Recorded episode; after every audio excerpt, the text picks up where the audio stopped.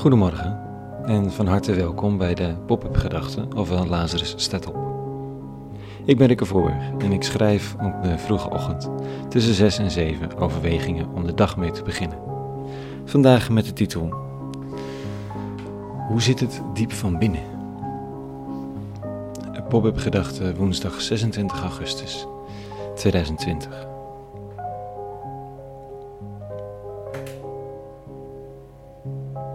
Gisteren zou ik koffie drinken met een vriendin die ik al een poosje niet had gezien.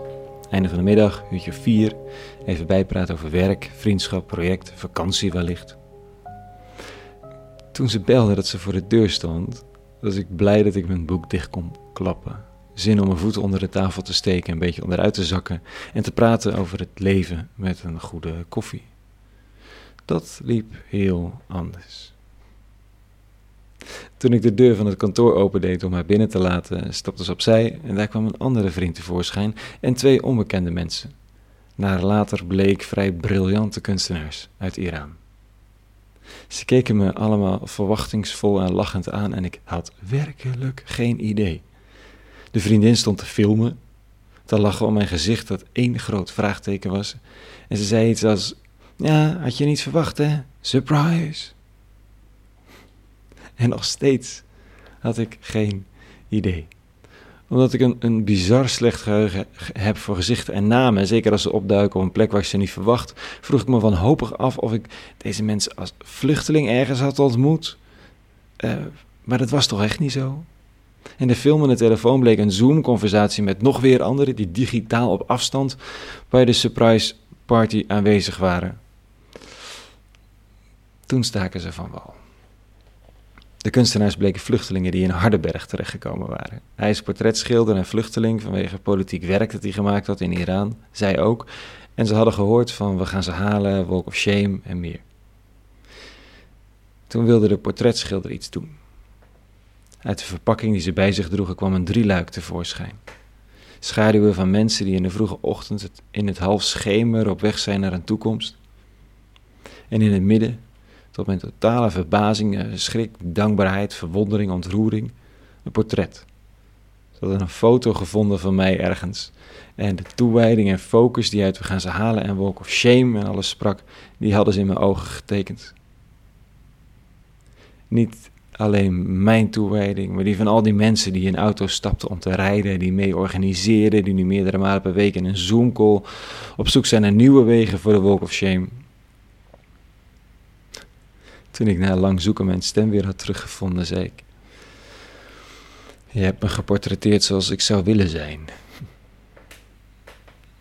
Hoe vaak, hoe lang, hoe goed lukt het om bewogenheid, focus, gedrevenheid vol te houden? Kijk, als er een project loopt of, of je vluchtelingen spreekt, dan is het niet zo moeilijk. Dan borrelt het vanzelf van binnen. Maar in de tussentijd, er is zoveel tussentijd. Het beeld is een reminder voor mij en al die mensen die het werk van We gaan ze halen, Walk of Shame en al die projecten. Eh, en al die projecten doen die, die een poging doen om de menselijkheid te herstellen. Op plekken waar die soms ver te zoeken is. Het is een reminder hiervoor dat het hart bewogen blijft. Vandaag lees ik de waarschuwing van Jezus van Nazareth aan het adres van die gedreven religieuze leiders van die tijd. Dit staat er. In die tijd sprak Jezus, wee u, schriftgeleerden en fariseeën, huigelaars. U lijkt op gekalkte graven die er van buiten wel mooi uitzien, maar van binnen vol zijn met doodsbeenderen en allerhande onreinheid. Zo ziet ook gij van buiten er voor de mensen wel uit als heiligen, maar van binnen bent u vol huichelarij en ongerechtigheid. Een waarschuwing voor mij en iedereen waarvan aan de buitenkant het eruit ziet dat er bewogenheid en inzet is.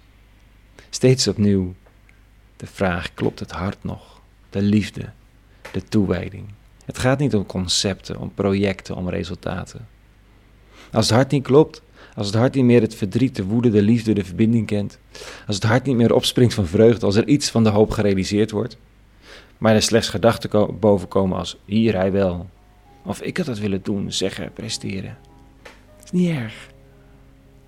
Maar toch, als de woede richting dat wat er niet klopt, niet meer vermengd is met verdriet over het onvermogen van ons allen om het goed te doen met elkaar. dan moet het hart gereanimeerd.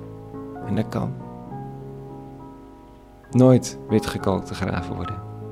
Dan liever zonder witkalk. Dat is eerlijker.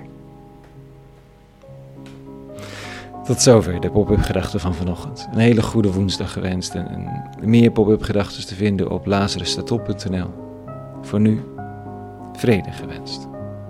En alle goeds.